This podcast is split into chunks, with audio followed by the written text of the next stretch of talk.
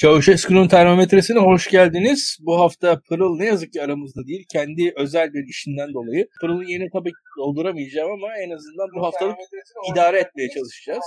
Yayınımızı beğenmeyi, paylaşmayı unutmayın arkadaşlar. Yayınlarımız daha çok insan ulaşsın istiyorsanız yayınlarımızı paylaşın, beğenin. Hatta ailenize falan anlatın diyelim ilk başta. Ve bunun yanında da ilk konumuzda başlayalım.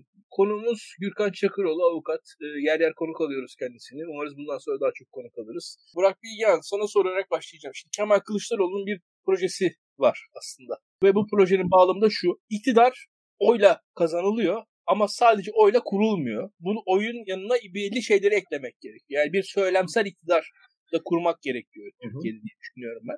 Ve Kılıçdaroğlu da bunu helalleşme üzerinden kurmaya çalışıyor diye düşünüyorum. Ne dersin? Hı. Ve bu helalleşmenin de hem içeriği ne kadar başarılı Kılıçdaroğlu'nun şahsında. İkincisi CHP bunu nasıl anlatabiliyor, anlatıyor mu? Üçüncüsü muhatapları tarafından bir karşılık görüyor mu Kılıçdaroğlu?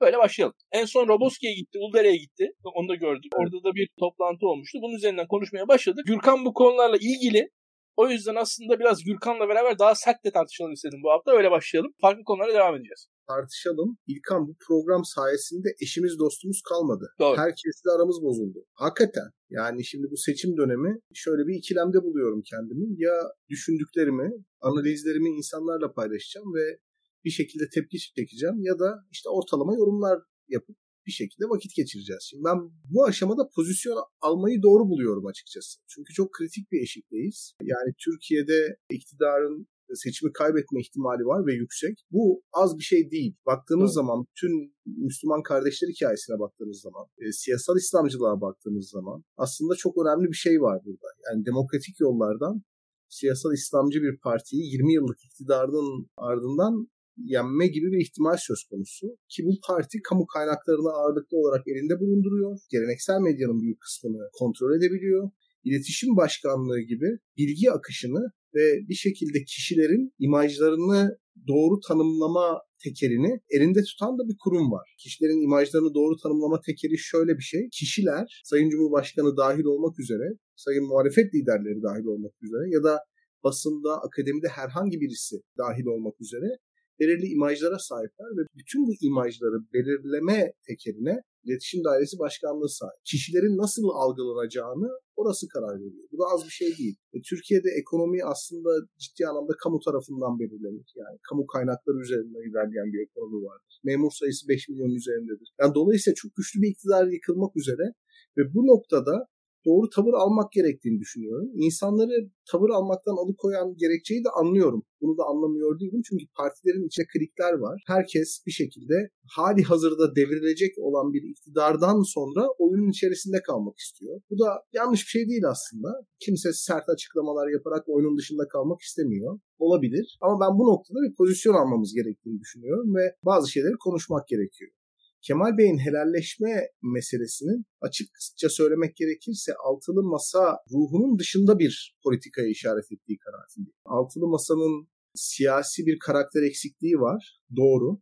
Yani altılı masa bir siyasi karakter ortaya koyamıyor. Altılı Masa daha önce de söylemiştik. Daha normatif, parlamenter sisteme geçiş gibi bir ajanda üzerinden bir araya geliyor. Altılı Masa'nın lider adayı da aslında son derece soyut ve tanımlanması çok zor. İşte demokrasi aşığı birisi falan diyor. Dolayısıyla helalleşme aslında altılı masanın gündeminin dışında başka bir siyasi projeye işaret ediyor. Bu siyasi projede bence kutuplaşmanın olduğu bir ortamda bunu aşma stratejisiyle alakalı bir şey. Ama yine kanaatimce çok ezbere bir söylem üzerinden ilerleyen ve başarısız bir strateji. Çünkü altılı masanın bileşenleri aslında malum ama bir de altılı masanın dışında başka bir ittifakın olabileceğini düşünüyorum ben. Altılı Masa'nın aslında iki ana sütunu var. Bir tanesi İyi Parti, bir tanesi Cumhuriyet Halk Partisi. Ve bu partilerin elitlerine falan bakmayın siz. Yani genel merkezlerine bakmayın. Tabanları birbirine çok yakın. Ve bu taban açıkçası %40'lık bir oya tekabül ediyor. Ve bunlar çok sıkı muhalif bir taban. İlkan. Tayyip Erdoğan'dan kurtulmayı öncelikle amaç olarak benimsemiş. Herhangi bir şekilde tevhile tahammülü olmayan bir taban. İşte en son Çelebi meselesinde de gördük bunu.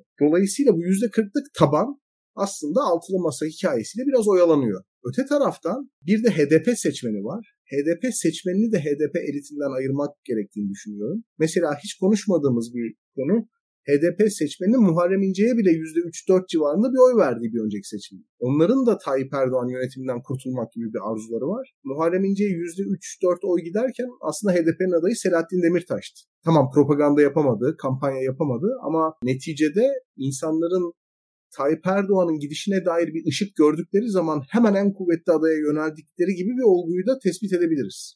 Böyle de bir durum var. Dolayısıyla HDP seçmeninin de bu Erdoğan karşıtlığı üzerinden bu %40'lık blok, bloka eklemlenebileceği çok muhtemel. Eğer çok bariz bir hata yapmazlarsa. Peki bu helalleşme söylemi kime hitap ediyor? Helalleşme meselesinin amacı nedir? Kutuplaşmayı aşma stratejisi ama görünen o ki kutuplaşmayı aşma meselesi belirli kimlik gruplarını belirli sembollerle, belirli söylemlerle tanımlayıp onların hoşuna gidecek bazı kelimeler etmekten ibaret olarak görünüyor. Mesela sağ seçmen, muhafazakar seçmen deyince muhafazakar bir prototip ortaya çıkıyor.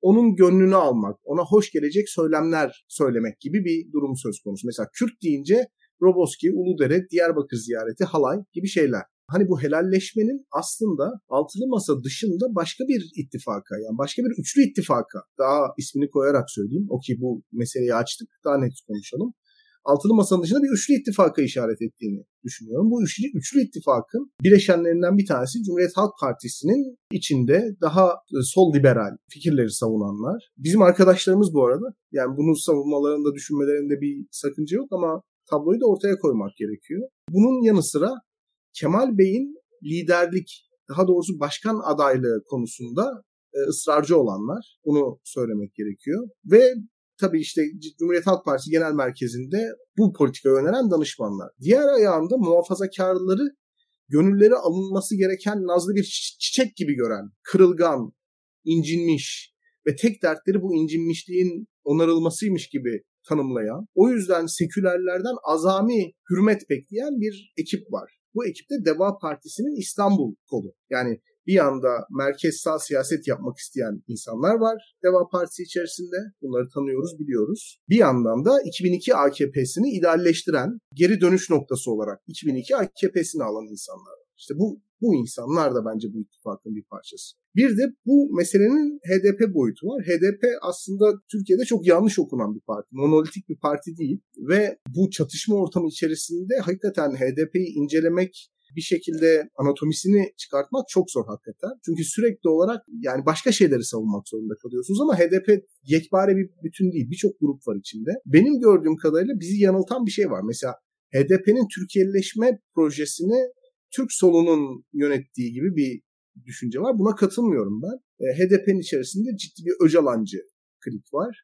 Ve HDP'nin içerisinde Öcalancı klikle iyi ilişkileri olan bir Türk solundan gelen ekip var. Hepsi değil ama böyle bir ekip de var. Onların da bu üçlü ittifak içerisinde olduklarını düşünüyorum. Dolayısıyla bu Kürt meselesi konusunda sembolik cümleler etmek, muhafazakarlarla barışma konusunda sembolik hareketlerde bulunmak ve bunu bir siyasete dönüştürmek altılı masanın değil de bu üçlü ittifakın bir programı. Ve bu program hem Cumhuriyet Halk Partisi tabanından hem İyi Parti tabanından hem de altılı masa gündeminden gizlenen bir şey. O yüzden bu meselenin çok sonuç üreteceği kanaatinde değilim açıkçası. Sonuç üreteceği kanaatinde değilim çünkü mesela bazı söylemler bana ciddi şekilde Tayyip Erdoğan'ı hatırlatıyor. Yani çözüm sürecinde mesela biz toplum olarak somut hangi adımların atıldığını bilemedik. Da Vinci şifresi gibi bir Dolmabahçe mütabakatı hazırlandı. Ve sürekli olarak barışın iyi bir şey olduğuna, barış iyi bir şeydir tabii ki. Yani insanların ölmemesi iyi bir şey ama çözüm sürecinin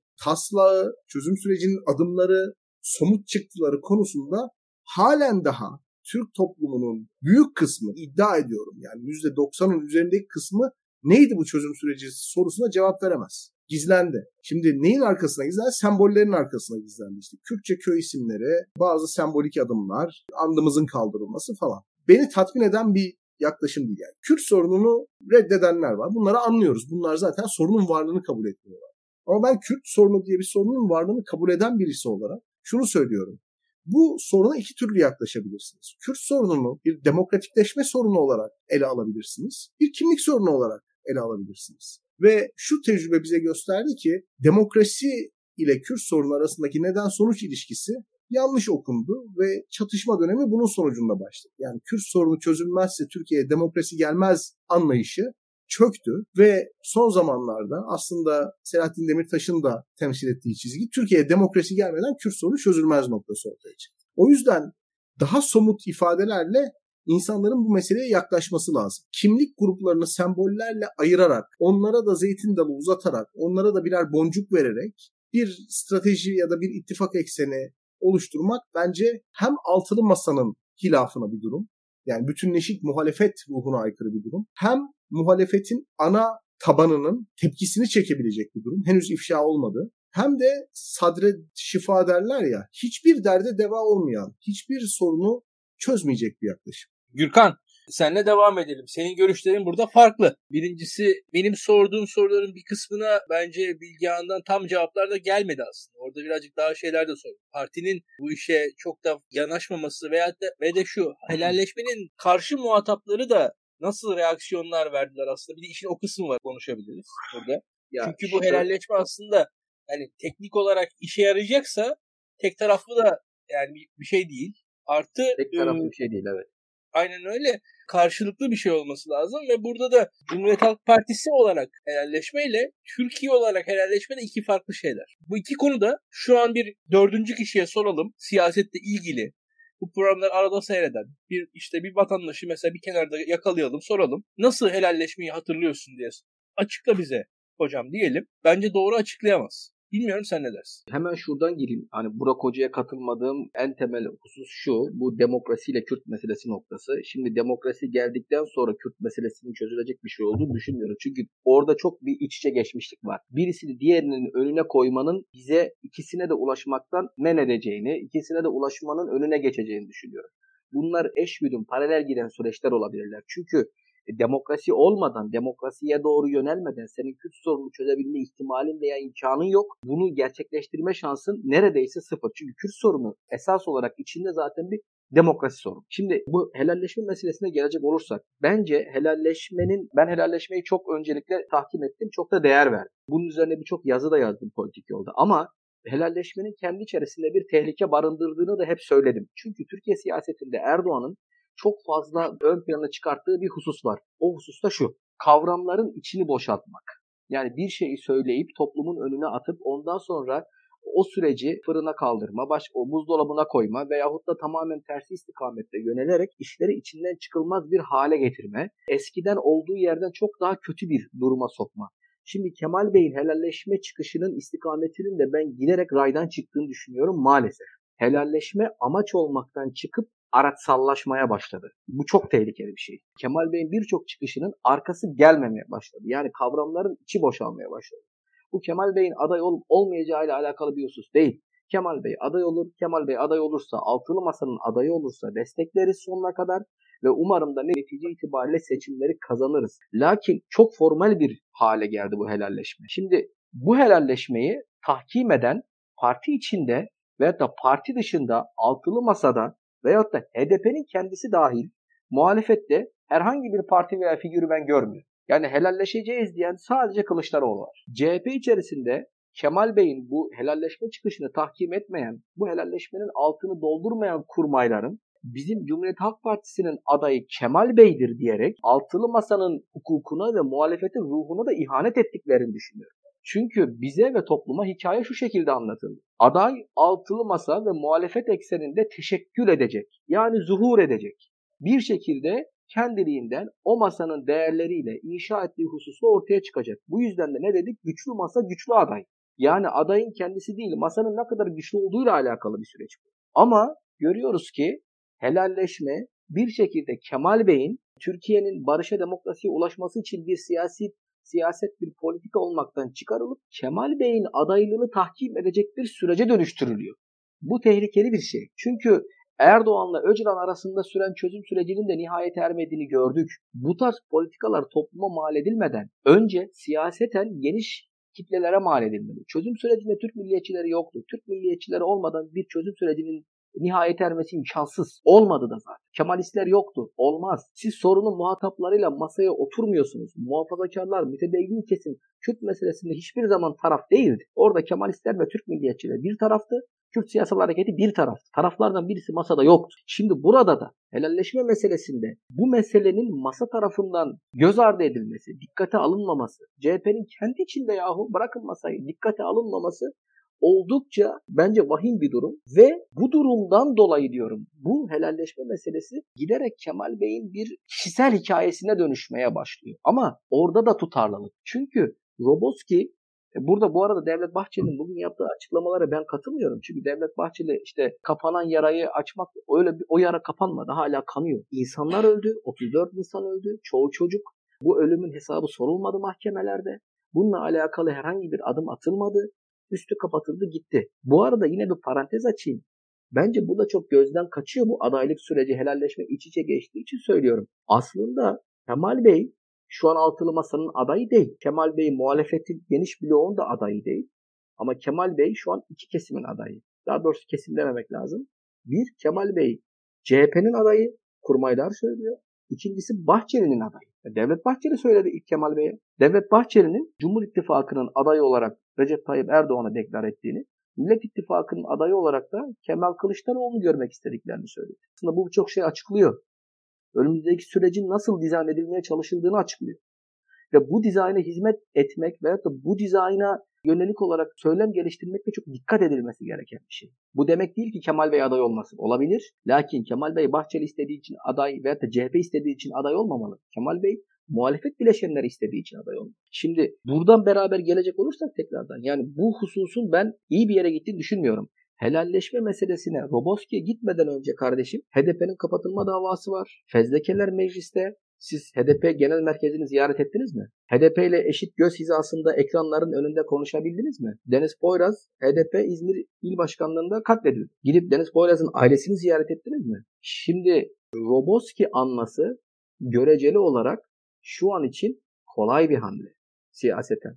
Üzülerek söylüyorum. Çünkü üzerinden 10 yıl geçti siyasi bir risk barındırmıyor. Çok rahat popülist bir siyasi söyleme dönüştürülebilir. Ama Deniz Boyla sıcağı sıcağına böyle bir şey olmadı. Şimdi Aysel Tuğluk demans rahatsızlığına rağmen içeride. Ona dair biz herhangi bir açıklama duymadık hala. Helalleşme söylemi içerisinde söylüyorum. Şimdi Demirtaş'la alakalı da mesela Kemal Bey'in söylediği cümle Demirtaş hukuksuz bir şekilde içeridedir. Biz gelince çıkacak. Şimdi Demirtaş'ın kendisi bunu istemiyor. Ben sadece adil bir mahkemede yargılanmak istiyorum diyor.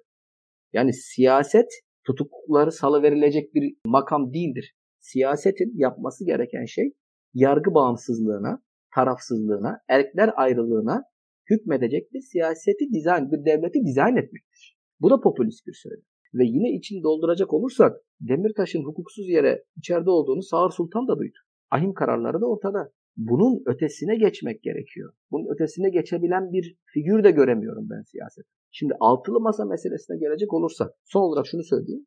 Cumhuriyet Halk Partili kurmayların yaptığı politika bu adaylık noktasında Kemal Bey'in dayatılması o masanın civatalarını gevşetir. Civataları gevşek masada yıkılmaya mahkumdur. Bu çok tehlikeli şu an. Buna düşmemek lazım. Altılı masaya gelecek olursak, şimdi altılı masanın bir Türkiye tahayyülü yok. Temel problem bu. Beş benzemezin bir araya gelmesi bizim demokrasiyi inşa edebilmemiz için değerli ve kıymetli. Ama bu arkadaşların parlamenter sistem özelinde ortak bir Türkiye tahayyülü yaratamadıklarını görüyoruz. Bu şunu şunu kastediyor. Şimdi şu an Türkiye'de siyasi partilerin rekabet edebileceği bir sistem var mı? Geçen gün bir yayındaydım. CHP'li bir PM sözcüsü ağzından şunu söyledi, ifade etti. Biz tabii ki şu anda da kendi aramızda rekabet halindeyiz. Biz tabii ki önümüzdeki dönem madem yeniden inşa dönemi kendi tonumuzun baskın olmasını isteriz dedi. Kardeşim şu andaki problemimiz ülkede bir, bir kesimin tonunun baskın olması değil mi? Hiçbir şey anlamamışlar bu süreçte. O yüzden altılı masa önce bir Türkiye tahayyülü yaratmalı ve şu an için altılı masanın rekabet edeceği tek bir yer var Cumhur İttifakı. Cumhur İttifakı ile Millet İttifakı'nın ve olursa Sol İttifakı'nın bir rekabeti söz konusu olacak ve bu rekabette kazanan önümüzdeki döneme şeklini vermeye gayret edecek. Bu nasıl olabilir? Bu şu şekil olabilir. Siz altılı masa olarak bir Türkiye tahayyülü ortaya koyarsınız. Bu tahayyülü gerçekleştirecek politikalarımız şunlar şunlar dersiniz. Ondan sonra da bu politikaların arkasında cesaretle durursunuz. Ha o zaman halk zaten iki seçim yapacak ya. Halk diyecek ki o zaman mesela bir Türk milliyetçisi diyecek ki kardeşim burada Devlet Bahçeli MHP'nin Türkiye tahayyülü burada da Meral Akşener'in İyi Parti'nin ve Millet İttifakı'nın Türkiye tahayyülü var. Ben bunlardan ikisi de milliyetçi ben bunlardan Akşener'e yönelmek istiyorum diyecek. Mesela sosyal demokratlar aynı şekilde. İşte Kürtler aynı şekilde veyahut da işte muhafazakarlar aynı şekilde. Siz bunu inşa ettikten sonra o geçiş süreci olacak, hızlı bir şekilde bitecek, parlamenter sisteme dönülecek ve işte rekabet o zaman başlayacak. O zaman İyi Parti ile DEVA, CHP rekabet edecek. Şimdi ne rekabet? Cumhuriyet Halk Partisi'nin son olarak şunu söyleyeyim. Kurmay noktasında çok ciddi problemi var. Bence ne istediklerinden emin değiller ve maalesef ama maalesef fırsatçılığa kapılmış durumdalar. Bu mevcut iklimden ve atmosferden istifade ederek önümüzdeki süreçte bir maalesef mevcut iktidarında içine düştüğü bazı hataları yapma potansiyelleri görülüyor. Umarım Kemal Bey bunun farkına varır ve hemen kurmaylarına gerekli talimatları ve direktifleri verir ve kendisi de bu helalleşme söyleminin popülist siyasete malzeme edilmesinden ziyade altını doldurarak ve güçlendirerek sürdürmeye gayret eder. Çünkü diğer türlüsünün ben zarar vereceğini düşünüyorum. İkinizin de söylediklerinde doğru şeyler var. Yani iyice aklım karıştı. Şu açıdan bakıyorum ben. Mesela geçen Mayıs, birkaç Mayıs öncesinde İzmir'de Yeşillerden bir grup arkadaşım var benim. İşte onlar bir termik santral protestosu yapacaklar. İşte şey Ali Ağa tarafına gideceğiz. Biz okey arabaları falan ayarladık. Şöyle gideriz. Biz de ben de gelirim dedim protesto. Sonra bir baktım o hafta sonu protesto olacak zannediyoruz. Olmadı. Ne oldu? İşte Deniz Gezmiş'i anıyoruz. Sonra biliyorsunuz Deniz Gezmiş'ten sonra Mahir Çayanların Deniz Gezmiş'in idamına itirazları var. Mahir Çayan'ın öldürülmesi işte Kızılderili. Bir hafta sonra onun anması var. Bir daha ertelendi protesto. Protesto 2-3 hafta ertelendi böyle. Şimdi ben hani işte Ali gideceğiz protesto yapacağız zannediyorum. Şimdi böyle her hafta erteleniyor protesto. Şimdi hakikaten tarih önemli, yaz önemli, cenazelere saygının olması gerekir. İşte Gürkan Aysel Tuğlu anlatıyor, o mezarlıkta başına gelenleri anlatıyor, annesinin başına gelenleri hakikaten vahim. Bunun kabul edilebilir bir tarafı yok. Yani hep Gürkan sık anlattığın için senin üzerinden anlatıyorum konuyu. Ama bir yandan da şöyle bir şey var. Bizim kuracağımız düzende de yani gerçekten bir önümüze bakmamız gerekiyor.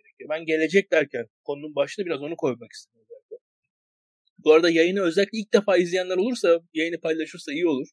Eskiden beni izleyen arkadaşlar zaten paylaşıyorlar. Özellikle ilk defa izleyenler paylaşsınlar. Farklı farklı insanlara ulaşalım bu sayede. Şimdi şöyle söyleyeceğim. Gerçekten de bir yenilik noktasının ortaya topluma sunulması lazım siyaset tarafından. Çünkü ben birazcık dünyayı takip eden bir insan olduğu zaman karşınızda yani şunu görecektir. Türkiye kadar tarihin konuşulduğu, geçmişin konuşulduğu da başka bir ülke yok. Biz oturuyoruz ve Türkiye kadar mesela tarihçilerin çok önemli insanlar olarak görüldükleri bir başka bir yerde yok. Mesela Fransa'da Fransız tarihçiler böyle siyasetçiler tarafından itibar gören, bu kadar önde tutulan insanlar değildi. Ben bir Alman tarihçi Almanya'da yani şimdi düş Olaf Scholz bir Alman tarihçiyle yan yana gelse ne kadar heyecanlanır bir Alman. Bilmiyorum yani veyahut da işte Hollanda başbakanıyla Hollandalı bir tarihçi yan yana gelse ne kadar bir heyecan yaratır. İtalyan tarih mesela bir Roma tarihçisi yan yana gelse ne kadar heyecan yaratır. Ama Türkiye'de biz sürekli tarih konuşuyoruz. Onu da çok tutmuyorum. Onu da ekleyeyim. Bir diğeri helalleşme konusunda da açık konuşayım. Bir kısım insan da şey moduna girdi yani o, o açıdan ilk kurulduğu zamanlarda bu söylem. CHP gelecek bize böyle biz biz iki tokatta biz vuracağız. Yani bunun da bunun adı helalleşme de olmayacak.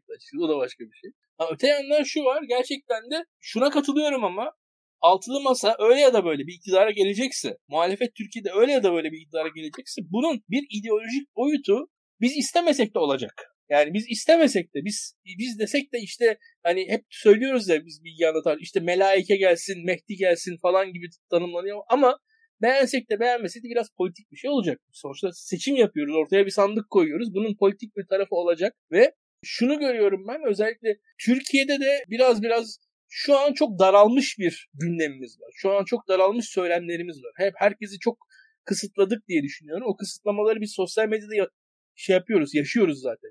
Gık diyen, Bilgehan'ın başta söylediği de doğruydu. Hakikaten azıcık farklı bir şey söyleyen anında linç ediliyor. Hızlı linç refleksleri var.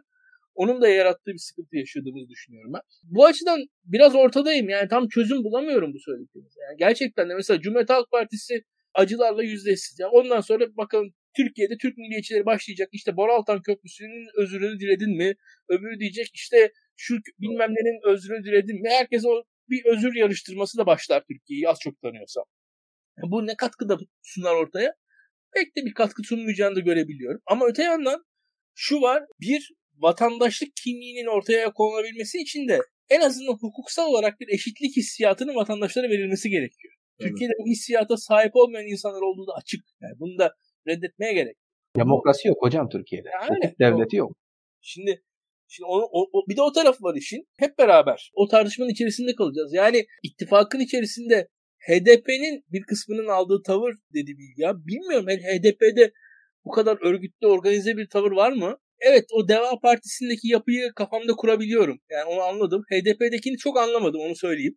Onu birazcık daha o bende oturmadı yani. HDP'deki şeyi anlayamadım. Yani HDP'deki HDP'deki iki adım geride durmayı anlayabiliyorum. HDP bir kenarda birazcık orada hafif bir mesafeyi tutuyor Kılıçdaroğlu'yla her ne olursa olsun. Ama Deva Partisi'nde ise şöyle bir durum var. Yani helalleşme bir defa isim olarak da bence ideal bir isim de değil yani onu da söyleyeyim. Bu olan bir tane bir şey yapılacaksa da buna da helalleşme de bence olmamalı da. Yani oradaki biraz şey tarafı var. Böyle bir ara Türkiye'de çok sık yapılırdı. Kürtler, Lazlar, Çerkezler, işte biz Selahattin Eyyubi'den gelen işte İdrisi Bitlisi falan örnekler verilir. Tarihler, oraya Ahmet Davutoğlu da bir ara çıkıyordu. Her ildeki azizler, işte evliyalar anılıyordu böyle. Ağrı, Hakkari, Van ben tüm evliyaları bir ara sayıyor, sayar hale gelmiştim Türkiye'de haberleri takip ede. Öyle bir garip bir gündemler. Biz isimleri sayıyoruz, sıralıyoruz. Kültürel öğeleri sayıyoruz. İşte kör olan Dadaloğlu, Aşık Veysel, Bir Sultan Abdal ve bir... Ya bir hakikaten öyle bir dönem vardı ya. ya hakikaten ya bir, bir lise edebiyat dersi gibi falan bir ortam yani biz ne yapıyoruz? Ülke tartış ya hani daha önce şöyle ya tarih dersi edebiyat dersi arasında bir şeyle siyaset tartışıyoruz. Siyaset başka bir şey ülkede yani. Bu acayip bir şeydi. O bu helalleşmenin sonu oraya gitmesin. Yani biz e, biz yeni evliyalarla bu işleri çözemeyiz. Bugün Türkiye'de sorunlar var. Bu sorunlar böyle evliyalar yaratarak da çözülmeyecek. Somut sorunlarımız var. Kılıçdaroğlu'nu bir açıdan anlıyorum. Gerçekten bir mayınlı arazide yürüyor. Bir niyet var tamam ama o niyet acı çekmeden olmaz. Onu da bilmesi lazım. Artı şunu da ekleyeyim. Özellikle ben Gürkan da o açıdan katılıyorum. Cumhuriyet Halk Partisi'nin de bunun altının boş kalmasında payı var. Yani çok basit. Yani helalleşme nedir ne değildir? Şu an biz bizim izleyicilerimize soralım. Neyi amaçlar? Herkes farklı farklı şeyler söyler. Muhtemelen Bilgehan'ın dediğinin çerçevesinde kalacak şeyler söyleyecektir tahmin ediyorum bizim izleyicilerimiz. Ama konuyu anlatmadı zaten CHP'liler. Ve bu iş ancak şey şeyde kaldı. O bir ara Hocam sahip gibi... çıkmadılar. Anlatmayı yani, geç. Sahip bile şu var. Ben şu anda şunu söylemek istiyorum. Mesela bir işin e, Adalet ve Kalkınma Partisi Alevi açılımı yap. Ara sürekli açılımlar yapıyor, yapılıyordu hatırlarsın işte. Alevi açılımı, roman açılımı, böyle X açılımı, Y açılımı. Böyle herkes bir, bir, bir grup oluyor. Bir 10 kişi toplanıyorduk. Bir, bir açılım yapılıyordu bize. Böyle. Hani öyle bir durum vardı. Sonrası hiçbir şey olmuyordu ama. Herkes geliyordu çok güzel saraylarda, otellerde vesaire toplantılar yapıyordu. Güzel yemekler yeniyordu. O bir ara bizde şeyde de vardı. Kendinizi demokrat hissettiğimiz zamanlar vardı. İftara giderdiniz. Orada yanda Patrick işte öbür tarafta bir tane Bahayilerin lideri falan. Ya yani bu, bu ortamın aman ne kadar kendimiz demokrat olduğumuzu kendi kendimiz övdüğümüz zamanlar. Türkiye'nin ne kadar farklı kültürlerin yan yana geldiği yer olduğunu hissettiğimiz zaman. Hep birlikte göreceğiz. Yani ben eksik kaldığını eksik kaldığı konusunda %100 katılıyorum. Bir şeyler olması gerektiğini düşünüyorum. Bir şeyler yapılması gerektiğini düşünüyorum. Yani kesinlikle şu andan sonra en azından ha şunu da söyleyeyim bu arada her şeyin bir baş, bu 5 yılda ben beklemiyorum Türkiye'de. Onu da, o açıdan da objektif olmam lazım yani. O açıdan da şu an Türkiye'nin 2023-2028 arasında Türkiye'de yapılabilir şeyler var. Yapılamayacak şeylere e, vaat edilmesinin de hatalı olacağını baştan söyleyeyim. Biraz o riski taşıyor bu e, helalleşme konusu. O da hafif risklidir diye düşünüyorum. Bilgen senin birkaç ekleyeceğin şey vardır. Onları ekle. Ondan sonra bir...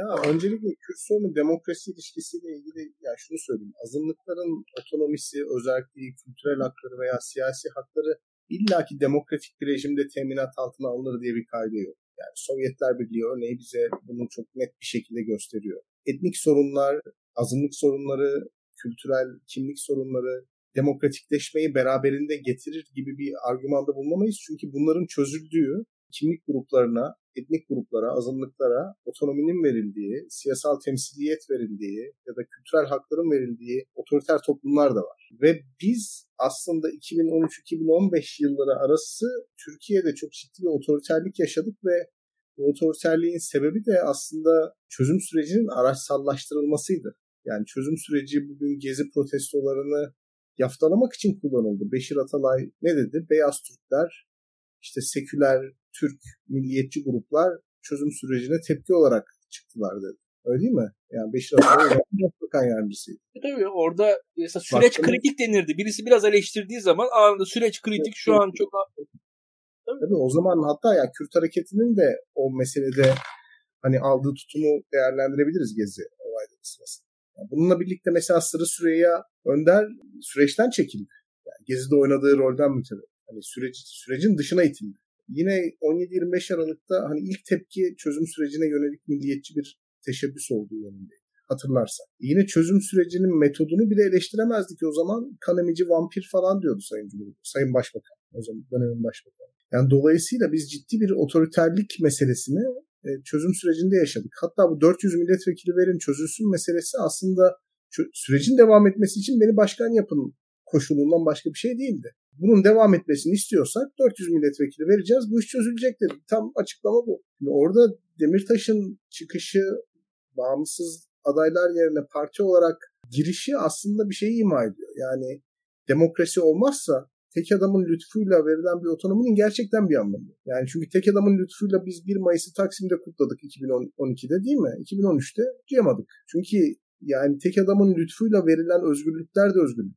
Ortada önce bir devlet olması lazım. Ben mesela Kürt meselesinde bizim ulaştığımız maksimum seviyenin hani asla bunun gerisine düşemeyiz dediğim seviye 2002 senesinin yazında yapılan Avrupa Birliği reformları olabilir. Hadi şey diyelim 2007 paketi diyelim. Yani bütün kurumların desteğiyle. Ama ondan sonra söylenen sözlerin hakikaten bir anlamı yok. Çünkü o sözlerin tam tersi zaten sarf edildi. Yani aynı sene içerisinde Dolmabahçe mütabakatı da hazırlandı. Aynı sene içerisinde Hendek Savaşı da yaşandı. Yani imzacı akademisyenler o metni bir sene önce yayınlasalardı muhtemelen Sabah gazetesinde falan manşet olacaklardı. Bir sene sonra yayınladıkları için işlerinden edildiler. Ya ben metnin içeriğini tartışmıyorum. Sadece bu meselenin nasıl ilerlediğini söylüyorum. Dolayısıyla demokrasi olmadan etnik grup liderleriyle yapılan pazarlıklar hakikaten otoriterliği besleyen bir şeye dönüşüyor. O yüzden hani bir sıralama yapacaksak öncelikli olarak ben kanun hakimiyetini koyarım. Ondan sonra demokrasiyi koyarım. Ondan sonra etnik pazarlık sürecini koyarım. Yani benim benim için budur. Mesela Bask örneğini falan verebilirsiniz. Bask örneği sadece Madrid'in Bask bölgesiyle anlaştığı ya da Bask bölgesiyle müzakere ettiği bir süreç değildi. Yani Madrid'in de Avrupa Birliği'ne giriş süreciyle beraber beslenen bir süreçti.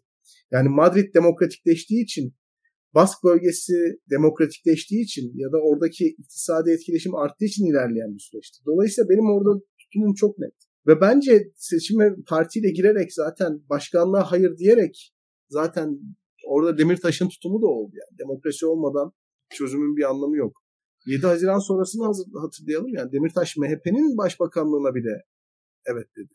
Doğru, yani yeter ki Tayyip Erdoğan sendromundan kurtulalım. Konuşulması gereken bir şey çünkü ya yani orada bir neden sonuç ilişkisi kurulacaksa hani HDP'nin içerisinde Kürt sorunu çözülmeden demokrasi gelmez akımı dolayısıyla demokrasiyi ikinci sıraya itebiliriz ve bu barış elitler arası bir müzakereyle ilerleyebilir diyen insanlar ile elitler arası müzakere bize demokrasiyi de getirmez, haklarımızı da garantiye almaz. Önce bu demokratikleşme sürecini başarmalıyız diyen ekol arasında bir çatışma olduğunu. Ya çatışma dediğim ya birbirine hakaret eden değil bir, bir farklı görüş ayrılığı olduğunu düşünüyorum. Hı hı. Ve bu şuna benziyor. O bahsettiğim HDP'nin içerisindeki işte sol liberal hatta Türk solu, Türk liberali kesimle Öcalancı kesimin bence kesişme noktası da biraz bu.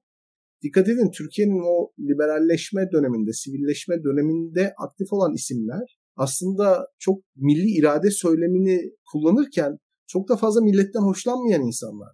Yani gerekirse hani Kurtlar Vadisi dizisi yasaklanabilir. Ben nefret ederim o diziden. Bir nesli mahvetmiştir. Hakikaten hiç hoşlanmam. O dizideki felsefeden hoşlanmam. Yoksa çok efsanevi sahneler izliyoruz. O hoşuma gidiyor. Ayrı bir şey ama mesela Kurtlar Vadisi dizisinin yasaklanması veyahut medyanın işte hükümetin kontrolü altına girmesi falan gibi şeyler ya da Ermenistan'la açılım süreci yapıyoruz Azerbaycan bayrağıyla stada girilmemesi gibi. Hani anlatabiliyor muyum? Yani bu zaten o milli iradeci ekibin çok hoşlandığı bir şey değildi. Onlar milli iradeyi, demokrasiyi millete rağmen, milleti dışarıda bırakarak biraz zorlamayla getirmeye çalıştılar. Gürkan'ın o milliyetçiler süreçte yoktu dediği mesele o zaten. Şimdi aynı ekip yani bu düşünce aslında Öcalancılıkla da çok benzeyen bir şey. Çünkü elitler arası bir müzakereyle bu sorunun çözüleceğine inanıyor ve demokrasinin bütün toplum kesimlerinin işin içine girmesinin süreci akamete uğratacağı kanaati. En kısa, en keskin, en net yol budur. Siyasal otorite tavır alır ve toplum bunu uyar. Ya o eleştirilen Jacobenlik tuzağına düşüyorlar aslında. Farkında değiller. HDP'den bahsettiğim kesim bu. O yüzden İlkan Mesela Kılıçdaroğlu da bu insanlar için pazarlık yapılacak Erdoğan'dan farklı bir figür değil. Kılıçdaroğlu'nun eğer bu meseleye yaklaştığını görüyorlarsa ki görüyorlar. Kürt hareketi aptal değil. Erdoğan'la nasıl pazarlık yaptılarsa Kılıçdaroğlu'yla da aynı şekilde pazarlık yapmak istiyor. Dün Pervin Buldan'ın açıklaması ortada. Dolayısıyla hani o bahsettiğim üçlü ittifak ekseni oluşacaksa mutlaka somut bir şey ortaya koymalı helalleşmenin ötesinde. Ama onlar yani bu HDP içerisindeki bu kesim şundan bence asıl rahatsızlıkları yani asıl oyunu yıkmaya çalıştıkları saha işte bu gerekirse Kılıçdaroğlu'yla pazarlık yaparak ilerleme ama zinhar HDP seçmeninin Erdoğan nefretiyle işte ne bileyim Demirtaş'ın talimatıyla onların hoşlanmayacağı bir adaya oy vermesi. İşte çıkıp yani ortada fol yok yumurta yok biz Mansur Yavaş'a ve Meral Akşener'e oy vermeyeceğiz. Ya şimdi böyle böyle bir şey olabilir mi yani? Hani siz parti olarak desteklemeyeceğinizi söyleyebilirsiniz ama bir de Kürtler adına böyle bütün seçmeni adına böyle bir açıklama yapılır mı? Belki verecek. Mansur Yavaş'a Kürtler oy verebilir. Hani orada böyle bir korku var. Sanki HDP elitini bypass edecek, onu pazarlıkların dışına itecek, bir toplum kesimini kendisine doğru çekecek ve bu davayı sonlandıracak bir başkan adayına yönelik bir korku var. O yüzden klas, e, klasify ederek yani Kürtleri bir şekilde sınıflandırarak elitler arası pazarlığa uygun olan bir lidere e, yöneliyorlar. O bakımdan Kılıçdaroğlu'nun bu helalleşme söylemi aslında bana sorarsanız hani Kılıçdaroğlu bunun altını dolduramayacak, somut bir şey söyleyemeyecek. Buna eminim, eminim söyleyemeyecek. Çünkü eğer o kapıyı açtıktan sonra siz federalizm konuşmak zorundasınız, toprak konuşmak zorundasınız, veto hakkı konuşmak zorundasınız, bütçenin etnik grup nüfusuna göre tahsis edilmesini konu böyle konuşmak zorundasınız. Ya ben bunu doktora tezimde çalıştım. De facto devletler çalıştım, bölünmüş toplumlar çalıştım. Başka türlü çözümü yok arkadaşlar. Yani bu meselenin hani öyle birbirimize çiçek verelim, özür dileyelim, halayça böyle çözümü yok. Yani sınırı çizeceksiniz, otonomi vereceksiniz. Otonomi verdiğiniz zaman bu insanların bir şekilde merkez hükümette de temsil edilmesi lazım. Bunların veto hakkının olması gerekiyor. Veto hakkı isteyecek etnik grup. E bir de genel bütçeden pay isteyecek. Bu genel bütçeden aldığı payı harcama konusunda hürriyet isteyecek. Ya anlatabiliyor muyum? Bunlar konuşulmaz lazım. Şimdi Kılıçdaroğlu bu sözleri verebilecek mi? Ya bir alkışlamaya bayılıyoruz böyle. Robos ya ben hakikaten yani Roboski yarasının kapanmadığını düşünenlerdenim. Bu meselenin Ankara'nın karanlık koridorlarında kaybolduğunu, mutlaka aydınlatılması gerektiğini düşünenlerdenim. Ama Kemal Bey'in veya Tayyip Bey'in gidip Roboski'de işte taziye vermesini ya da orada bir şekilde Kürtlere sempatik gelecek jest ve mimiklerle siyaset yapmasını da çok anlamlı bulmuyorum açıkçası. Bunu söylemek istediğim bu. Gürkan senle devam edelim. Burak Hoca ile ayrıldığımız bazı hususlar var. Son dediklerine ben katılıyorum. Yani çok şekilci bir siyasi üslupla içini doldurmadan söylem geliştirmenin e, herhangi bir şey bir faydası yok olmayacak da gördük de zaten denedik. Lakin bu e, demokratikleşme meselesinde Kürt meselesinin çözümü noktasında ben Kürt meselesinin nasıl algılandığıyla alakalı problemler olduğunu düşünüyorum. Şimdi öncelikle mesela buraya İyi Parti üzerinden girelim. Şimdi Kürt meselesinde e, hani diyor ya işte pazarlıklar şunları verecek misiniz? Kemal Bey bunları yapabilir mi? Onların hepsinden önce bir varlığı yok sayma hususu var. Şimdi hemen bir parantez açayım Öcalan meselesinde. Şimdi Öcalan'a biz bunu ben politik yolda da yazdım bizim sevip sevmememizin veyahut da bizim nefret etmemizin veyahut da bizim terörist görmemizin hiçbir ehemmiyeti yok. HDP genel merkezinin ve ondan önce kurulan kaç parti oldu? 6 parti mi? 7. parti mi? Kaçıncı parti? Bütün bu partilerin Öcalan'a bakış açıları ortada. Değil mi?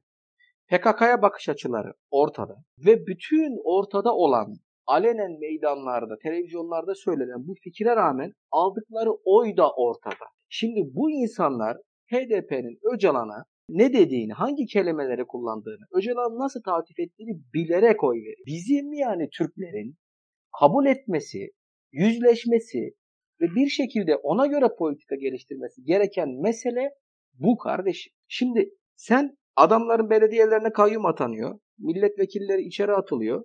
Sen adamların iradesini yok sayıyorsun. Mesela İyi Parti, mesela diğer partiler. Şimdi bununla sen hiçbir şey çözemezsin. Sen bununla demokrasiye de hiçbir şekilde varamazsın. Demokrasiyi de inşa edemezsin. Hani önce demokrasiyi inşa et sonra Kürt meselesini çöz diyoruz ya. Demokrasiyi nasıl inşa edeceksin kardeşim? Sen adamın varlığını yok sayıyorsun. Hani ya bizim bu tacı milliyetçi arkadaşlar bazı açılardan çok konu. O cenahtan birisi olarak konuşuyor. Efendim Kürtler başka, HDP başka. Değil kardeşim. Yani adamların ekseriyatı şeye oy veriyor. HDP'ye.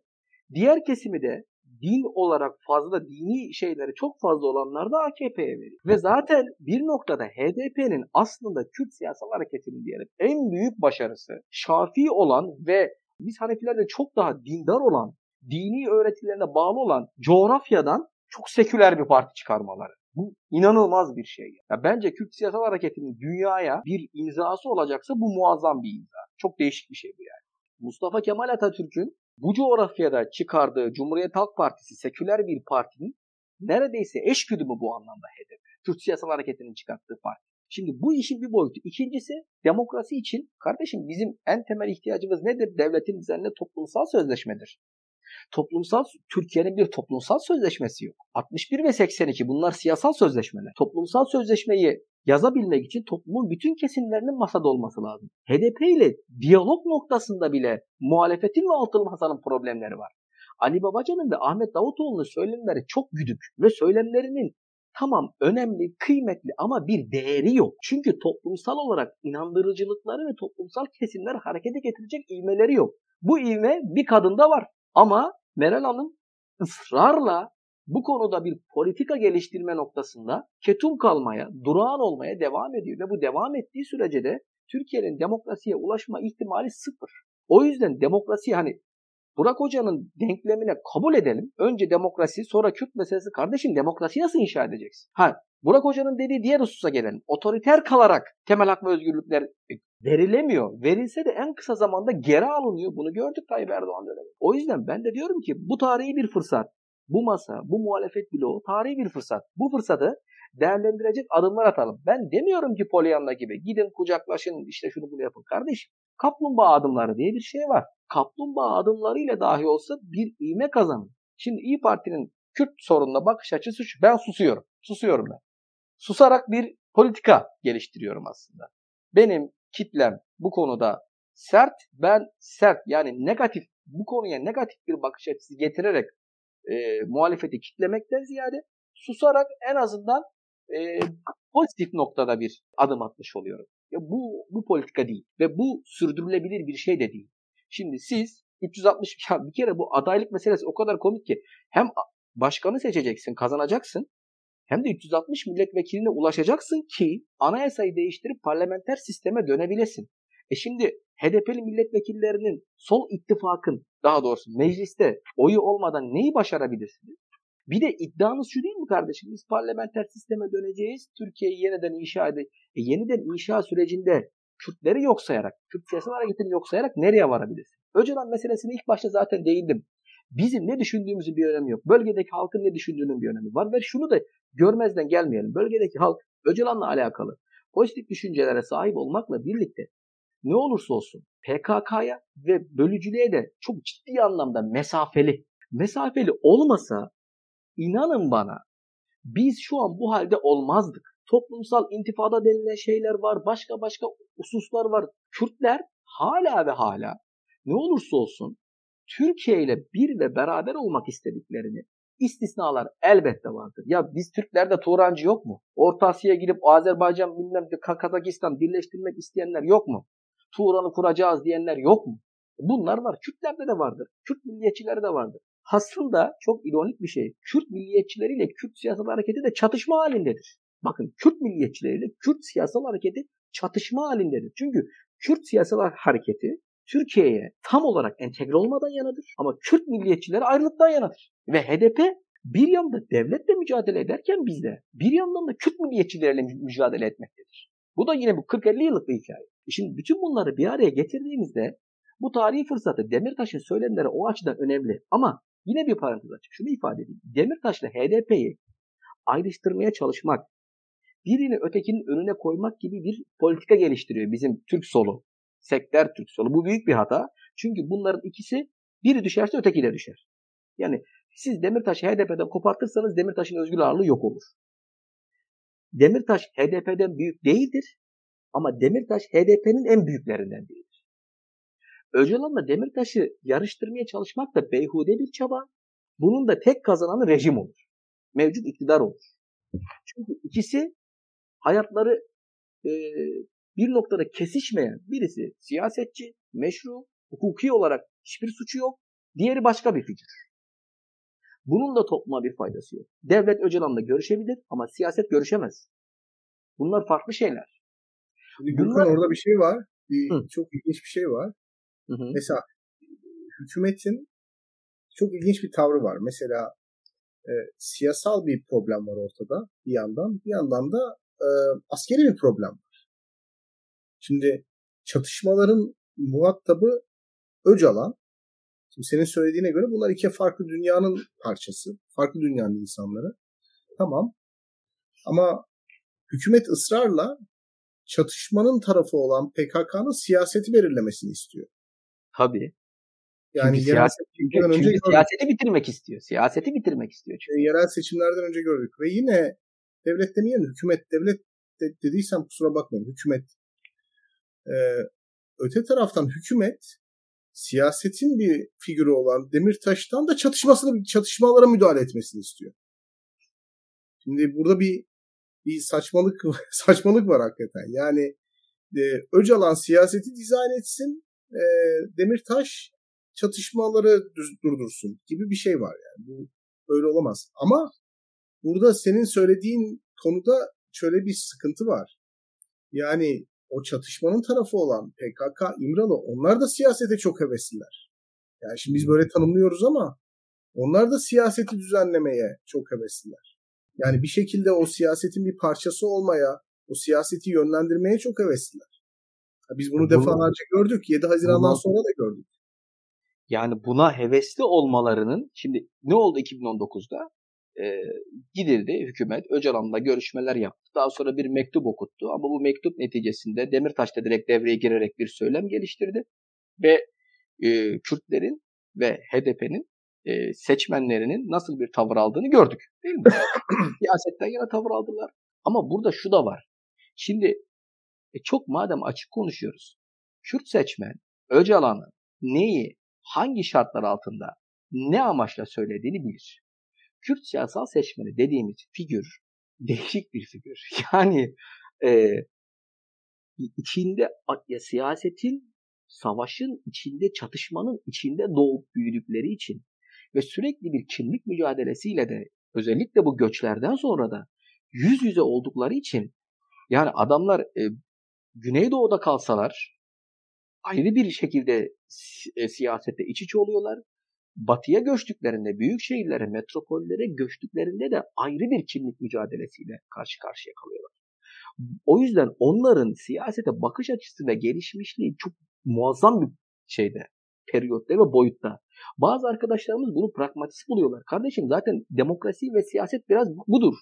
Karşılıklı konuşursun, diyalog geliştirirsin ve bunun neticesinde bir uzlaşı yolu ararsın. Ama biz bir yandan PKK terör örgütüdür, Öcalan onun lideridir, hiçbir zaman muhatap almayız derken mesela Akşener üzerinde söylüyorum.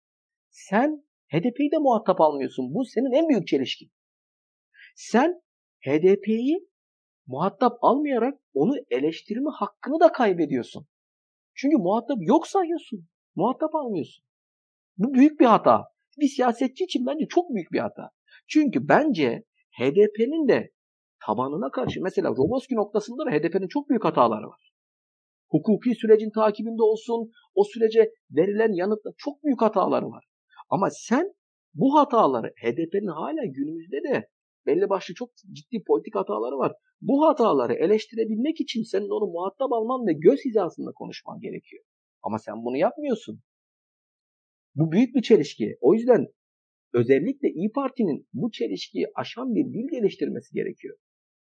Şimdi bir yandan AKP'yi eleştiriyoruz. Çözüm süreciyle alakalı bakış açısını eleştiriyoruz. Direkt Erdoğan, Öcalan üzerinden bir paradigma. Ben bunu Demirtaş'ın yüzüne de söyledim. Ya çözüm sürecinin eksikliği kardeşim biz yoktuk Türk milliyetçileri yok da öyle bir dünya yok. Çünkü ya şimdi ben Burak Hoca ile bir sorun yaşıyorum. Biz kavgalıyız. Tamam mı? Ben gidiyorum İlkan'la konuşuyorum. Ya benim problemim Burak Hoca'yla. Benim Burak Hoca'yla konuşup kaynaşmam bu sorunun çözümüne yönelik. Parti yoktu. Parti içinde Tabii kimse ki. bilmiyordu. Mecliste kimse bilmiyordu. Medyada kimse bilmiyordu. O yüzden Kemal Kılıçdaroğlu'nun şu çıkışı bence helalleşmeden çok daha önemliydi. Kürt sorunu vardır. Meşru muhatap HDP'dir. Çözüm yeri meclistir. Ya, Akşener, Akşener'in de bunu tahkim etmesi ki Akşener'in e, tahkim ettiği Kılıçdaroğlu tek, tek söylemidir belki bu. O dönem takip etti bunu. Doğru buluyorum dedi. Ya bu Türkiye'de çok başka kapılar açar ve iktidarın birçok oyununu bozardı. Ama bunun devamını getiremediler. Hem CHP hem İyi Parti. Şimdi e, o zamanlar hatta şu aklıma geldi bunu e, ben de minik bir katkı olarak sunayım. E, ya PKK bir ufak bir eylem yapıyor. İşte güya ateşkes var. E, bunun bir izahı lazım. İşte şey Kandil'deki Ergenekoncu yapı falan diye bir şey uyduruldu. Evet. Şimdi o zaman biz öyle bakıyoruz. Bunlar hangi içindeki yapı falan sonra daha ilerlettiler. Kandil'deki bir, bir grup İrancı Ergenekoncu bir başka yapı. Biz şimdi mağara mağara Kandil'i şey yapmaya başladık. Onlar daha milli PKK bir gayrimilli PKK oluştu.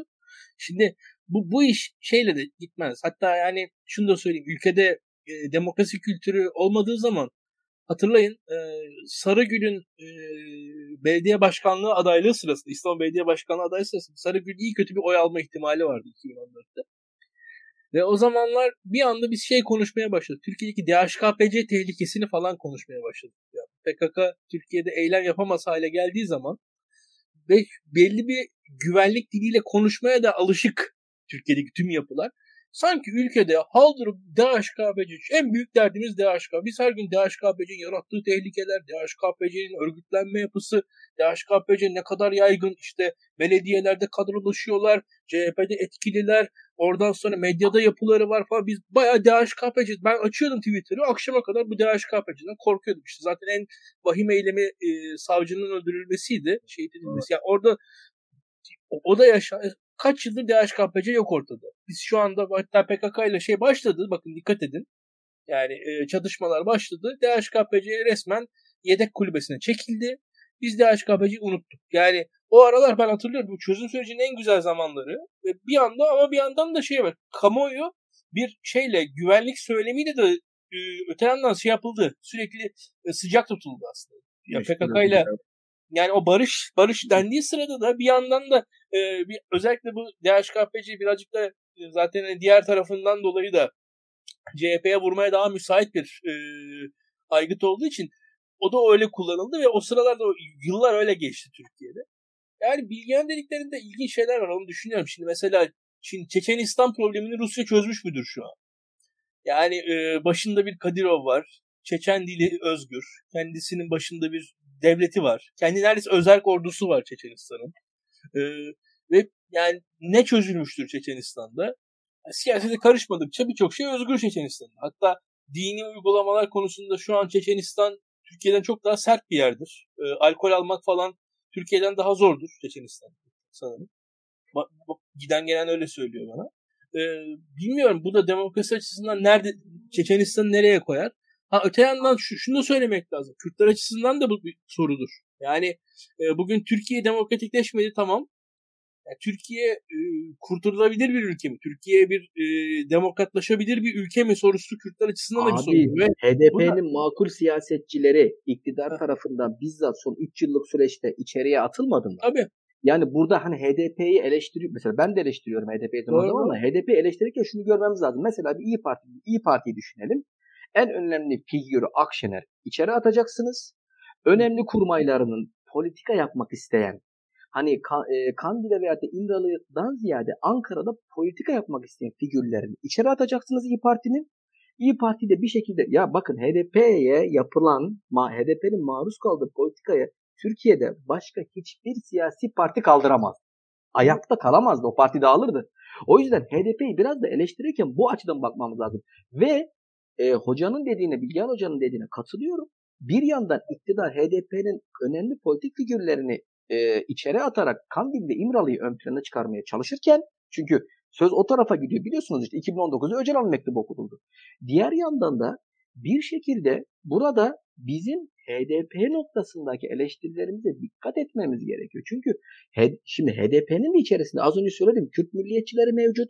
HDP'nin de içerisinde nasıl AKP'nin içerisinde ya Erdoğan şakşakçılığı yaparak bir yere gelmek isteyen var. Şöyle, HDP bu... içerisinde de Öcalan şakşakçılığı yaparak bir yere gelmek isteyenler Yok, var. Bunu e, Gürkan o kadar e, ben yani eleştiri olarak da söylemiyorum. Yani olabilir. Her şey olabilir. Sonuçta şöyle bir durum var. E, gerçekten mesela kalkınan e, dünya yıldızı bir Osmanlı olsaydı ben zannetmiyorum ki e, bu kadar e, işte Osmanlı Hristiyan zırhlarının da e, bu kadar hevesle bağımsızlık için ayaklanacaklarını yani o zamanlarda.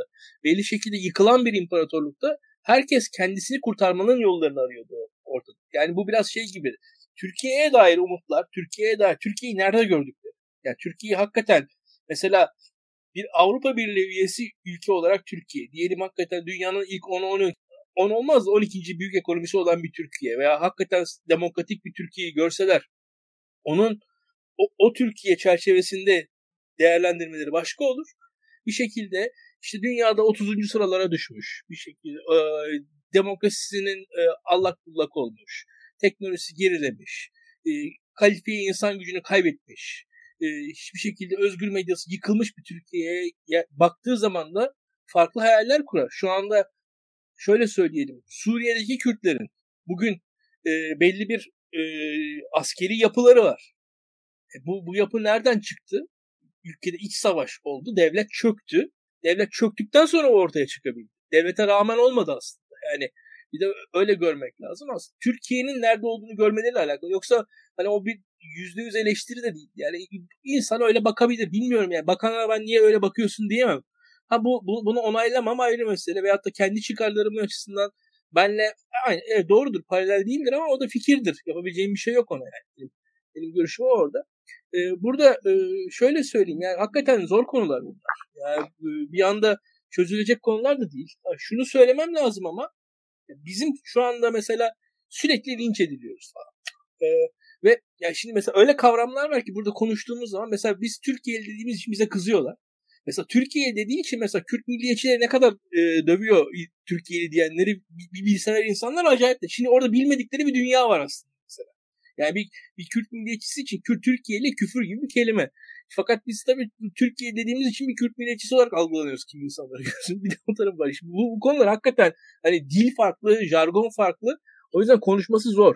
Ee, Türkiye aşaması, Türkiye'de şu aşamada ne kadar ileri gidilebilir, neler yapılabilir? Ee, ya bayağı bir şey yapılabilir. Türkiye'de e, ilk aşamada ben e, belli bir e, kurumsal demokrasi altyapısı kurulmasının e, yanlış bir hedef olduğunu düşünmüyorum. Onu söylemem lazım. Yani e, o, o yanlış bir hedef değil. E, bu o hedefin kurulması Türkiye'de atıyorum e, işleyen bir e, yüksek seçim kurulu, işleyen bir ÖSYM, işleyen bir adalet mekanizması, işleyen bir yüksek yargı olduğu zaman bunlar bunlar bu sorunları e, büyütmezler. Küçültürler aksine. Hatta onların yani, kurulabilmesi için ama işte bir diyaloğa ihtiyaç tabii, var. Tabii tabii. O kesinlikle var. ihtiyaç yani, var abi. Aynen orada e, ya zaten şu var. Türkiye'de bence e, sistemin e, ben 2015'ten beri yaşadığımız kaosun bir tarafında yani sadece Tayyip Erdoğan'ın tek adam olma iradesi arzusu yok. Yani Türkiye'nin 90'lardaki bir e, o işte e, HDP geleneği partiler kabullenme yapısı vardı. O %5 oy alan bir parti kabullenilmişti. Fakat 2015'te 25 sene sonunda o %5 oy alan parti ve bir anda %10-15 arası oy almaya başladı. Şimdi o zaman başka bir realite ortaya çıktı. Şimdi o %10-15 oy alan partiyi siz e, reddedemezsiniz. Reddedilemeyecektir. Hatta yani şimdi bu, bunu bugünden görmek lazım aslında. Hani bu tüm demokrasiyi falan bir kenara koyuyorum ben yani. Yani veya işte orada önümüzde parlamenter sisteme geçilecek deniyor. Ya %15 oy alan parti 100 tane vekil çıkartacak. Ya o 100 vekili ne yapacağız biz? Onu, onu soru, o soruya cevap var mı? Şimdi HDP'li bir bakan Mesela hiçbir demokratikleşme olmasın. Hiçbir işte o diyelim Bilgen anlattıkları işte özellik, e, veto falan filan olmasın. Yarın bir gün HDP'li bir bakan müsteşar atayabilecek mi? Yani HDP'li bir bakan ya şu an Türkiye'de kırmızı plakalarla beraber dolaştığı zaman başına neler ya hakikaten benim için çok ciddi sorular Ee, ve e, bu aşamada Türkiye'nin bunu e, kabullenmesi kolay olmayacaktır ve şöyle söyleyeyim e, Refah Partisi'nin yükselişini Türkiye e, hemen hemen e, şöyle söyleyeyim ya bir 15 yılda kabullendi. Yani 1994'ten 2010'a kadar geçen sürede biz e, bu alt üst oluşlarla vesaire o referandumda en son büyük bir yenilgiyle beraber o direnen kesimin olay kabullenilebildi ve zaten başörtüsü yasakları sonrasında kalktı yani bakarsanız. Yani hani orada o zaten başörtüsü yasakları da fiilen o Refah Partisi'nin yükselişini bir sembolik dirençti. Yani orada ben zannetmiyorum ya, o kadar bir e, akıl yoksunluğu olacağını yani yoksa öyle bir yasak peşinde koşturacak kadar. E, bu Kürtler konusunda da şöyle bir durum somut bir olay var ortada yani bir nüfus var. Hakikaten büyük nüfus var yani bu, bunu ne yapacağız? Yani bu, bu, bu mesele nerede duracak? Yani onu ona dair çözüm ne peki? Yani mesela hadi diyelim o büyük yani Bilgen biraz sana da soruyorum. Yani orada hakikaten dediğin şeyler hakikaten zor. Yani özellik zor, bu işte veto zor. Bunlar hakikaten çok zor konular. Onlar onların pazarlıkları, onların o, o, o ikna süreçleri falan kolay olabilir şeyler değil ama bir de şu var. Yani güçlendirilmiş parlamenter sistem deniyor mesela. %15 oy aldı HDP. Ne yapacağız? Evet. Ya e, burada hani dediğim gibi bir HDP'yi böyle bir e, laboratuvar bitkisi gibi görmeden siyasi sisteme evet. kazandırmak gerekiyor. Çünkü insanların temel olarak refah ve güvenlik gibi iki ihtiyaçları var ve siyaset de bunları sağlamak için bir araç. Yani kamu kaynaklarına ulaşacak insanlar. Ya bugün AK Parti oy veren herkes İslamcı değil tabii ki. Yani mahallesinde evinin önünün asfaltlanmasını istiyor. Ya da işte tayin yaptıracaksa mecliste bir tanıdığının olmasını istiyor. Yani insanlar kamu kaynaklarına erişmek istiyorlar. Siyaset biraz da bu. Tabii. Yani hep örnek veriyorsun ya Süleyman Soylu bir saat milli güvenlik terör falan anlatıyor. Hemen ardından kaç bekçi kadrosu, kaç polis kadrosu var. Bu yani insanların genel itibariyle siyasete bakış açısı bu. Yani şimdi Kürtlerin de kamu kaynaklarından bir pay alma talebi var. Yani bu da bence hani bütün bu barış romantizmi veya savaş romantizminin arkasında biraz da böyle bir şey var. Yani kamu kaynaklarından insanlar pay almak istiyorlar. Bu yanlış bir şey de değil. Şehirleri güzelleşsin istiyorlar. Belediyeleri iyi çalışsın istiyorlar. Tamam mı? Ve adil yargılanmak istiyorlar. Adil yargılanmak istiyorlar. Şimdi şunu da söyleyeyim. Yani ben HDP'lilerin asıl meselesinin yani asıl onları hayal kırıklığına uğratan şeyin zaten o idarelerindeki devletin Ankara'ya geldikleri zaman var olmadığını görmeleri olduğunu düşünüyorum. Bizzat yaptığım mülakatlarda da bunu gördüm. Yani ilk defa milletvekili seçildim, meclise geldim, çok korkarak geldim diyor bir görüşmeci mesela. Ama orada ki lakaytliği gördükten sonra Türk devletine olan saygım gitti diyor. Yani Kürt, yani Kürt Kürt Partisi'nden milletvekili seçildi ve Türk devletine saygı duyarak gelip Ankara'da saygısını kaybetti. Yani bugün baktığınız zaman en düzgün Türkçe konuşan vekiller de HDP vekilleri. Tesadüf değil o. Yani Tesadüf değil. Tabii saygı duyuyor. Dolayısıyla hani o bakanlık verildiği zaman ben HDP'li iyi bir teknokratın bakanlık sırasında iyi bir performans sergileyeceğini de düşünüyorum açık konuşayım. Yani e, çok o zannedildiği gibi usulsüzlük falan hiç gayet kanunu uygulayacağını da düşünüyorum açıkçası. Evet, çok Ama bu e, bu şey meselesi yani güvenlik ve refah meselesi zaten siyasetin çözmesi gereken bir mesele. Yani tam olarak ondan bahsediyorum. Şimdi demokrasi dediğim şey rekabet ve rekabet eden aktörlerin güvenliğinin sağlanması. Yani ben bir siyasi parti olarak tutuklanmadan, ceza görmeden, bedel ödemeden fikirlerimi ifade edip halkı mobilize etmek istiyorum ve oy kazanmak istiyorum. Şimdi bu siyasetçinin güvenli zeminde siyaset yapmasının sağlanması lazım. Demokrasinin ilk koşulu bu. Yani mesela bu altılı masaya bir siyasi ruh atfediyoruz ya, atfetmek istiyoruz ya ve görmeyince hayal kırıklığına uğruyoruz ya aslında ilk olarak bütün aktörlerin ortaklaşa bir çıkarı var. Siyasi güvenlik. Bunu vaat etmek zorundasınız. Bunu bütün Türkiye'ye vaat etmek zorundasınız. Sadece altılı masaya değil. Sadece CHP'ye, sadece İyi Parti'ye değil. Herkese bunu vaat etmek zorundasınız. Yani demokratik sisteme, parlamenter sisteme geçiş o siyasetçi güvenliğiyle olacak. İfade hürriyetinin teminat altına alınmasıyla olacak. Halk iradesinin ihlal edilemezliğiyle olacak. Şimdi bu beraberinde neleri getirir? Kayyum idaresine son verir. Bu beraberinde neyi getirir? HDP'nin meşru bir parti olarak siyasi e, hesaplamaların içerisine girmesini getirir. Bu beraberinde içerideki HDP'nin ve ki ılımlı sesler içeride şu anda onların dışarıya çıkmasını beraberinde getirir. Yani HDP'nin sisteme eklemlenmesini sadece HDP'nin göstermesi gereken bir gayret olarak değil, aynı zamanda sistemdeki diğer aktörlerin göstermesi gereken bir gayret olarak görmek lazım. Ve bu Kürt sorunundan da bağımsız bir şey. Çok doğru. Yani bu yani bahsettiğim şey bu. Kürt sorunundan da bağımsız bir şey. Yani bu partinin zaten sadece Kürtler tarafından seçilen bir parti olmak istememesinin sebebi de bu. Hani Cihangir solcusu diye karikatürize ediyoruz ya. Aslında ortaya son derece sol popülist bir program koyuyor. Bütün azınlıkların partisiyim diyor. Tercih gruplarının, etnik grupların, işte LGBT'nin, işçilerin, öğrencilerin yani toplumda kendisini dışlanmış hisseden herkesin partisi olmayı amaçlamasının sebebi de bu. Yani siyasetin meşru bir aktörü olmak. Demokrasi de bunu gerektiriyor zaten. Şimdi bu demokrasi makinesi işlemeye başladıktan sonra mesela ana dil sorunu, ana dil sorununu iki şekilde çözebilirsiniz. iki şekilde algılayabilirsiniz. Yani bunu bir kimlik meselesi olarak görüp bir ida, ideal çerçevesinde çözebilirsiniz. Veyahut şöyle diyebilirsiniz. Yani bu çocuklar evlerinde Kürtçe duyuyor, Kürtçe konuşuyor ve 7. sınıf 7 yaşında 1. sınıfa başladıkları zaman gördükleri dersleri anlamıyor. Maalesef. Çok kritik bir sorun. Yani bu bir sorun. Bu Türkiye Cumhuriyeti vatandaşının bir sorunu. Bakın yani çocuk 3 sene 4 sene hocanın ne konuştuğunu anlamıyor. Ya bu bir sorun ve başarısız oluyor. En başarısız ilin şırnak çıkması, Hakkari çıkması beyhude değil. Anlatabiliyor muyum? Bu şekilde çözebiliriz. Bunu da siyaset çözer. Bunu da siya- yani önce demokrasi dediğim şey ben hani demokrasi kavramını biraz Amerikan akademisinin anladığı gibi kurumsal anlıyorum. Yani kurumsal rekabetin olduğu, e, işte süreçlerin şeffaf olduğu, oradan mutlaka olumlu şeyler çıkacağına inanıyorum. Ve Türkiye'de mesela biz uzun yıllar biraz yanlış yorumladık. Yani Adalet ve Kalkınma Partisi liberalizmi evet öldürdü ama mesele Adalet ve Kalkınma Partisi'nin rekabeti öldürmesi. Bu yüzden en özgürlük olduğu zaman bile aslında özgürlükçü değildi. En demokrat olduğu zaman bile demokrat değil. Bundan da korkmamak lazım. Yani biz siyasette artık peygamber beklemeyelim. Siyasette pazarlık yapan, ne yapabileceğini söyledi yani. Limitleri olan, bir şekilde pazarlık zeminlerini, müzakere zeminlerini vaat eden insanlarla konuşmak zorundayız. Yani biraz önce Gürkan'ın söylediği gibi etkimizi arttırmak istiyoruz diyen bir parti beni rahatsız etmiyor. Beni rahatsız eden etkisini arttırmak isteyen partinin bunu bambaşka şeylerin arkasına gizlemesi.